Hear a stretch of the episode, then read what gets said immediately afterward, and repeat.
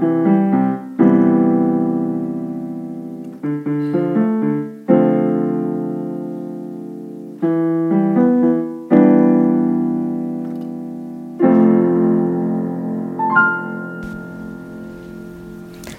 selamat datang di podcast Bukan Bukan Pikiran bareng gue anak. Dan gue JJ Selamat datang di bukan podcast 2.0 teman-teman semuanya. Oke, Karina. Alasan kita remake tuh kenapa ya Nat? Eh, sebenarnya kenapa kita bikin judul bukan podcast 2.0 tuh karena podcast-podcast yang lalu udah gak relevan aja sih J dan hmm, waktu itu kan kita jarang update juga ya. Jadi Ya. kita perlu jadi better version of ourselves aja lah. Oke, kayak pengen buka lembaran baru gitu ya Betul betul betul. Oke deh Nat, cukup openingnya Di podcast sekarang tuh kita membahas apa sih Nat? Sebenarnya kita mau bahas topik yang simple, satu kata tapi luas banget nih meaningnya. Kita mau bahas tentang sukses. Nah, tapi sebelum kita bahas tentang sukses, gue pengen tahu dong J, perspektif lo soal life goal atau hidup hidup impian lo tuh waktu SMA sama sekarang udah masuk universitas tuh berubah gak sih? Oke, eh, life goal dari SMA sampai masuk universitas So far berubah sih Nat, dan berubahnya juga cukup signifikan Kayak pas SMA tuh gue mikir, oke, gue harus sukses Dan gue harus jadi orang kaya, intinya intinya sih gitu Tapi kalau misalnya sekarang tuh lebih ke, eh, lebih luas deh Nat Kayak sukses tuh pengen pinter juga, Hmm, punya benar. koneksi yang mendukung Tuh. By the way, eh, definisi sukses menurut lo tuh gimana sih Nat? Em, sebenarnya nanggepin tadi yang udah lo bilang, menurut gue juga sama sih. Setelah gue udah masuk kuliah tuh ngerasa lebih dewasa aja dan lebih apa ya punya pengertian yang lebih holistik tentang sukses itu sendiri. Nah, menurut gue sukses itu ya kita hidup dengan sejahtera atau ada di titik financial freedom dan bisa ngelakuin hal-hal yang emang gue suka dan hal-hal tersebut tuh ngasih dampak positif bagi masyarakat. Itu sih pada intinya. Kalau menurut lo sukses tuh gimana? Kalau menurut gue eh, kurang lebih sama sih Nat, kayak living a well balanced life. Hmm. Basically kayak punya work life balance gitu. Oke oke. Kayak yang tadi lo bilang, gue juga sama, pengen financial freedom di usia-usia tertentu. Hmm. Dan realistis sih pengen jadi orang punya duit ya, karena dengan kita berduit tuh kita bisa bantu orang lebih banyak nggak sih Nat? Bisa mencakup lebih luas gitu. Bener. Tapi buat yang pada ngedengerin podcast ini jangan terlalu ngambil mentah-mentah ya. Karena pada satu sisi kita gak bisa bullshit dengan bilang kita gak butuh uang. Karena kita juga emang butuh untuk makan setiap hari. Yap. tapi jangan dianggap dibilang berduit tuh ya udah orang sukses tuh sama dengan kaya. Padahal menurut gue tuh ya sukses lebih dari itu. Karena perspektif orang-orang tentang sukses masih terlalu sempit dan kurang tepat. Ya contohnya soal kaya sama dengan sukses tadi padahal indikator lain tentang sukses tuh banyak. Contohnya kebijaksanaan seseorang terus ilmu pengetahuan seseorang terus juga bisa seberapa besar dampak yang dia kasih ke masyarakat. Hmm, bener. banyak gitu loh hal-hal yang nggak bisa dibeli dengan eh nggak banyak gitu loh eh, indikator yang cuman kaya doang. Eh sukses tuh gak cuman bisa dinilai dengan kaya doang banyak indikator lain. Nah karena menurut gue tuh banyak orang kaya yang gak bisa manage hartanya dengan baik kayak dia nggak punya pengetahuan gitu untuk manage uang orang uangnya Kayak money cannot buy class gitu nggak sih Nat? bener-bener money cannot buy class nah biasanya tuh gue sebut sebagai em, kaya kampungan Nah, bener. OKB Nah, gitu. ya itu sih biasanya orang yang lebih uh, mainstream ngomong tuh OKB. Contohnya orang-orang kaya baru tuh dia nggak punya pengetahuan dan kebijaksanaan yang cukup buat mempertahankan kekayaannya. Jadi dia nggak bisa maintain kekayaan dia gitu loh. Dan menurut gue itu bukan orang yang sukses aja. Karena orang yang sukses tuh menurut gue dia punya self contentment tersendiri. Dia punya self contentment yang kuat. Dia merasa diri dia cukup dan auranya tuh beda aja gitu sih J. Iya gak sih? bener banget dan ada data yang bilang kalau misalnya eh, 5% orang di dunia Nat, dia tuh memegang kekayaan 90% orang orang lain gitu. Jadi kayak yang gue tangkap sih kayak eh, 5% orang ini tuh hartanya tuh setara dengan 90% manusia lainnya gitu. Dan katanya kalau misalnya uangnya dibagi rata nih tiap orang tuh kurang lebih dapat sekitar 24 miliar. Kaya tuh kita. Nah, kaya tuh kan, tapi sebenarnya dalam waktu lima tahun tuh si uang uang itu bakal balik lagi ke posisi semula. Hmm. Kira-kira tahu nggak kena- kenapa?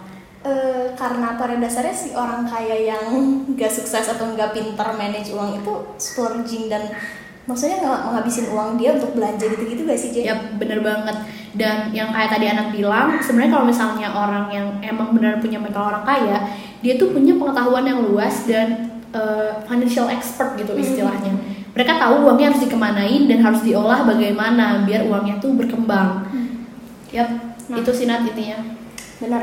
Nah yang gue gue tambahin dari yang tadi kata lo juga menurut gue kenapa bisa si orang kaya itu eh masih udah walaupun udah dibagi orangnya jadi balik lagi ke miskin karena ya orang-orang kaya baru tuh nggak punya self contentment dia ngerasa kayak dia kurang kayak dia ngerasa harus beli barang-barang mahal sementara orang yang emang orang kaya beneran dia bijaksana dan dia pintar tuh dia lebih ngerasa tenang dia karena dia ngerasa cukup ya udah gue bisa manage uang gue dengan baik itu gak sih Jay? ya ya bener bener banget sih Nah, makanya menurut gue tuh masih banyak banget orang-orang mispersepsi tentang, tentang sukses ini. nah gimana sih Nat maksud mispersepsi di sini tuh Contoh poin pertama tuh sebenarnya mispersepsi yang soal tadi sih, yang kaya sama dengan sukses. Dan menurut gue udah cukup lah tadi kita bahas. Nih menurut gue mispersepsi yang lain tuh biasanya kita ngeliat orang sukses dan kalau misalnya kita lihat background story dia kayak ada semacam standar tersendiri di storyline hidup mereka. Nah storyline-nya tuh kayak gini nih, seseorang dia tuh punya keterbatasan yang mereka punya masing-masing. Misalnya ekonomi, ya dia miskin. Terus atau misalnya dia punya pressure dari orang tua sehingga dia pokoknya hidupnya nggak nyaman lah intinya. Terus dia berhasil melawan keterbatasan tersebut dan dia jadi orang sukses. Padahal emang benar sih hal tersebut dia bisa sukses karena dia kerja keras. Tapi dia tuh pasti punya privilege atau keuntungan-keuntungan lain yang orang lain tuh nggak punya. nah bener sih padahal starting point tiap orang tuh beda-beda kan Hmm. kayak privilege tuh ada tapi bukan berarti kita nggak punya opportunity Hmm, betul. kesempatan tuh datang karena adanya peluang dan emang kemauan dari diri sendiri aja buat ada di posisi tertentu Hmm. So it's really depending on us gitu Nat That's right. orang-orang zaman sekarang banyak yang punya pemikiran kalau misalnya privilege tuh satu-satunya jalan buat meraih kesuksesan Ah, iya betul. Padahal kan punya privilege tuh nggak berarti segampang itu bisa sukses kan? Nah, benar. Misalnya kayak kita ngelihat ada great opportunities di luar sana tuh. Harusnya hal yang menjadi fokus kita tuh lebih ke how to manage our privilege and turn it into the opportunity. Nah, bener-bener. Tapi kalau misalnya kita ngomong soal privilege, biasanya tuh orang-orang atau ya orang umumnya tuh ngelihat privilege sebagai eh, suatu hal yang bisa dibilang negatif atau klise lah. Hmm, benar. Misalnya kita bilang, oh dia privilege. Privilege itu sama dengan, oh dia kaya. Makanya karena dia ekonominya lumayan, dia bisa sekolah di luar negeri, dia pintar bahasa Inggris, dan lain-lain. Padahal, hal simple dalam hidup kita tuh bisa kita anggap sebagai privilege loh, J. Contohnya? Contohnya tuh budaya lah ya. Contohnya nih, gue dari budaya Sunda dan lo dari budaya Medan. Kan banyak tuh em, orang-orang suka bilang, oh orang Sunda tuh orangnya males atau terima apa yang apa jadi. Sementara orang Medan atau orang seberang tuh kerja keras banget. Pada satu sisi kan kita kayak dua apaan sih em, terlalu stereotipikal Iya. banget. Padahal itu tuh fakta loh dan itu tuh privilege soalnya emang benar orang Sumatera atau orang seberang tuh udah rantau jauh-jauh ke Jawa dia pasti kerja keras dan itu tuh ngaruh gak sih ke anak-anaknya atau cucu-cucunya yang ngelihat budaya orang tuanya yang selalu kerja nah maka dari itu itulah privilege Nah, sebenarnya sesederhana itu sih ya, mulai dari kayak background juga bisa dibilang privilege ya, Nat. Mm-mm. Oh, terus tahun kita lahir tuh bahkan bisa dibilang sebagai privilege. Contohnya, pokoknya gue lupa sih tahun berapa tuh orang-orang lahir. Pokoknya kan di US tuh sempat ada masa-masa oil boom kan, di mana harga minyak tuh melejit naik. Nah, di tahun eh, si oil boom ini tuh eh, orang-orang yang lahir 30 tahun sebelum si oil boom ini tuh itu mereka punya privilege karena kalau misalnya dia misalnya lahir 50 tahun sebelum atau 60 tahun sebelum oil boom pas zaman oil boom kan berarti dia 60 tahun Mhm. udah terlalu tua gak sih Yep. ya kan sementara kalau misalnya orang yang lahir 30 tahun tuh kayak pas dia di masa-masa dia aktif kerja dan dia lagi giat-giatnya. Mhm. sementara kalau misalnya yang lahirnya 10 tahun atau lima tahun sebelum oil boom ya dia masih kecil kan. Itu dia nggak punya privilege dari segi waktu. Itu sih. Nah mungkin dari contoh tuh gue mau ngasih contoh dari buku yang gue baca bukunya tuh Outlier karyanya Malcolm Gladwell. Nah contohnya tuh pasti kalian tahu deh dan lo juga pasti tahu J- Bill Gates. Dia tuh orangnya privilege banget. Hah? Serius? Emang dia? Oh, loh, sorry kayak gue mikirnya dia emang pinter dan jago komputer dari emang bakat aja gitu Nat. Em, emang bener sih. Dia emang gak bisa dipungkiri dia emang pinter dan jago komputer.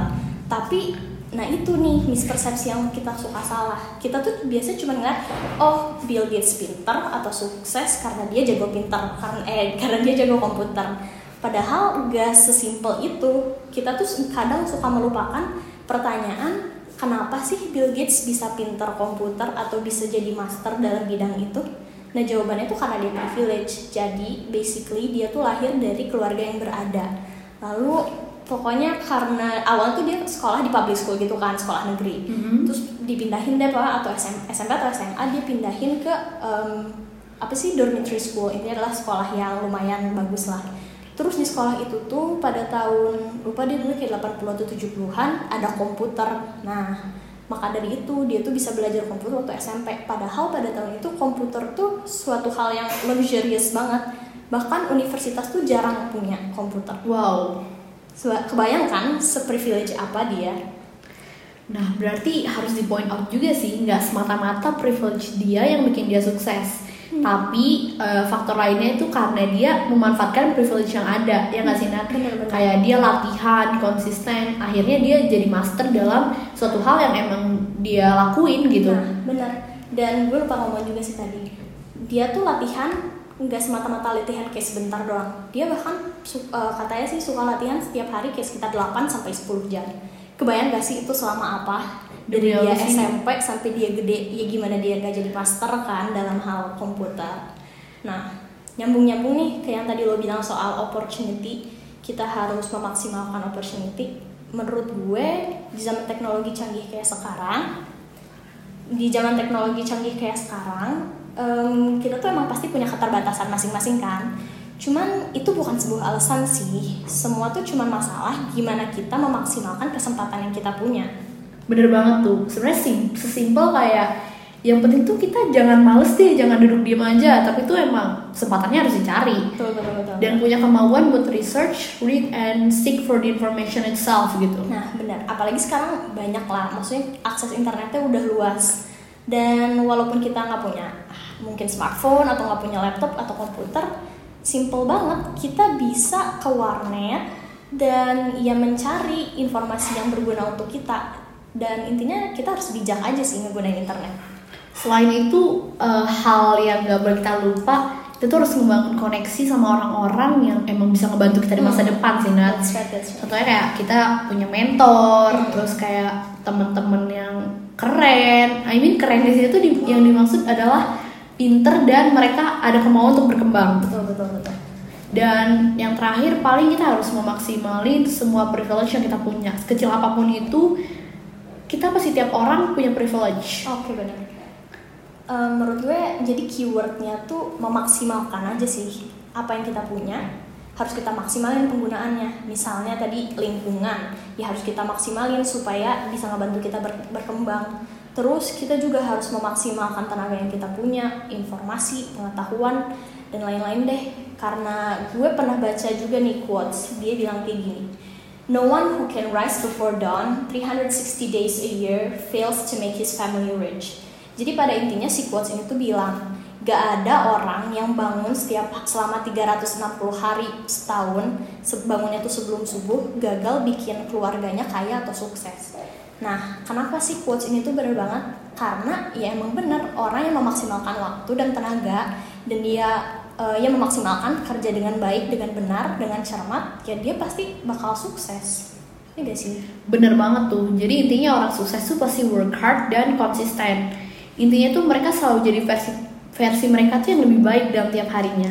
Nah, terus kan kita suka wondering gak sih, why do some people achieve so much than others? Kenapa orang ada beberapa orang yang bisa sampai ke titik kesuksesan mereka beda daripada orang-orang lain? Nah, jawabannya tuh yang tadi lo bilang, orang-orang sukses tuh work hard, memaksimalkan apa yang pun- mereka punya dan mereka konsisten. Karena faktanya, gak kita tuh nggak harus jadi orang yang super pinter atau pinter banget untuk jadi sukses. Yang penting tuh pinter aja tuh udah cukup. Yang penting kunci dari kesuksesan tuh bukan si IQ yang kita punya atau kepintaran yang kita punya, tapi tuh ya si kerja keras itu. Yap, bener banget tuh Nat. Kayak gue juga pernah baca sih bukunya James Clear yang judulnya Atomic Habit. Oke. Dan di situ dia point out kalau salah satu persen lebih baik kita lebih baik aja tiap hari, Hmm. Pasti kita tuh dapat output sekitar 37% lebih baik dalam setahun. Kayak intinya tuh ya eh, hargain perubahan kecil sih. Hmm, gimana sih tuh maksudnya satu persen? Apa emang ada teori matematisnya atau gimana tuh? Sebenarnya kayak sesimpel kita bangun lebih pagi Hmm, atau oke. Mengganti mengganti mandi kita dari yang pakai air panas jadi air dingin. Tuh nah sesimpel itu sih sebenarnya. Bener-bener, gue juga emang pernah baca sih. Katanya kalau mandi air dingin pagi-pagi tuh bakal bikin otak lebih fresh dan lebih fokus. Jadi kerja kita pagi-pagi atau setelah mandi tuh lebih terarah dan lebih efektif. Yap, bener banget. Dan tadi kan Anda juga nanya tuh, why do some people achieve so much more than others?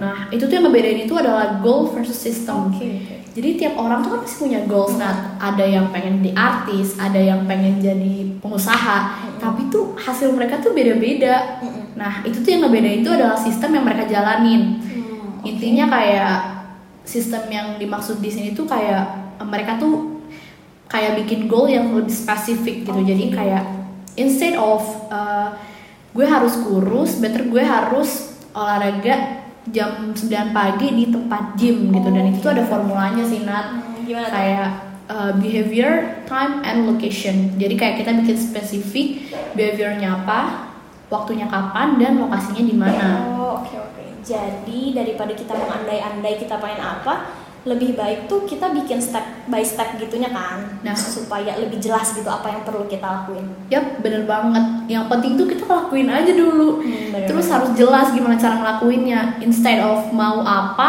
better kita kayak bikin Harus apa harus ya? apa. Bener-bener. Benar-benar. Nah, terus ngomong-ngomong tadi lo bilang harus apa? Nah, ini nih soal ngomong harus kerja atau harus beraktivitas. Kita tuh sering tanpa kita sadar itu ngomentarin orang em, gimana ya bisa dibilang kayak orang alay kerja.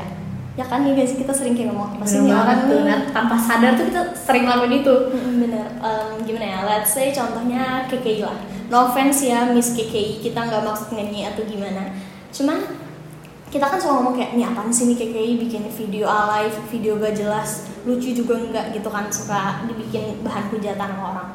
Padahal lebih baik jadi dia gak sih daripada jadi kita. Karena si Miss KKI ini tuh dia kerja dan dia coba dan menghasilkan gitu loh. Dia Yap. bisa hidup dari Bener. situ. At least dia menghasilkan. Iya nggak sih? Iya, dan daripada kita yang cuma ngomong doang tapi gak kerja, better jadi dia kerja dan gerak gitu. Dia nyoba. bener. Kita cuma bisa nyinyir doang gitu. Benar.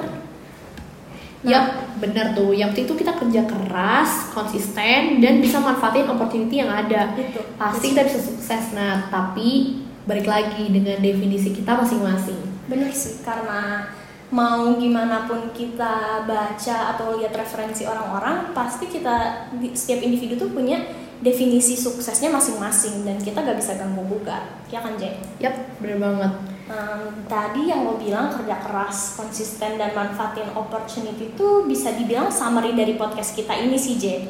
Nah, gue mau nambahin nih. Selain itu, kita tuh perlu sadar ya kalau misalnya kita setiap diri kita, setiap orang tuh punya privilege-nya masing-masing. Dan yang paling penting tuh kita harus pintar-pintar nelaah posisi kita di mana. Kita punya kelebihan apa, kekurangannya apa. Terus setelah kita tahu atau menganalisa apa yang kita punya dan posisi kita di mana, kita ya udah try to be better every day karena our habit defines our future. Bener sih Nat, dari yang Anda bilang tadi, intinya kita harus punya self awareness yang baik ya kan Nat? Dan selain itu, lingkungan juga penting sih dalam mempengaruhi hidup kita. Betul. Eh, pernah dengar nggak pepatah yang bilang show me your friends and I will show you your future? Bener-bener gue pernah dengar tuh. Karena ya gak bisa dipungkiri lingkungan kita tuh mempengaruhi banget perkembangan diri kita. Jadi pada intinya sih ya kita harus pintar-pintar manage diri aja sih, menelaah dan memilah lingkungan yang ada di sekitar kita. Yups, that's the point. Menurut gue sih udah cukup sih buat podcast hari ini. Anyway, that's it for this episode. Sekali lagi makasih banyak udah dengerin. Bye!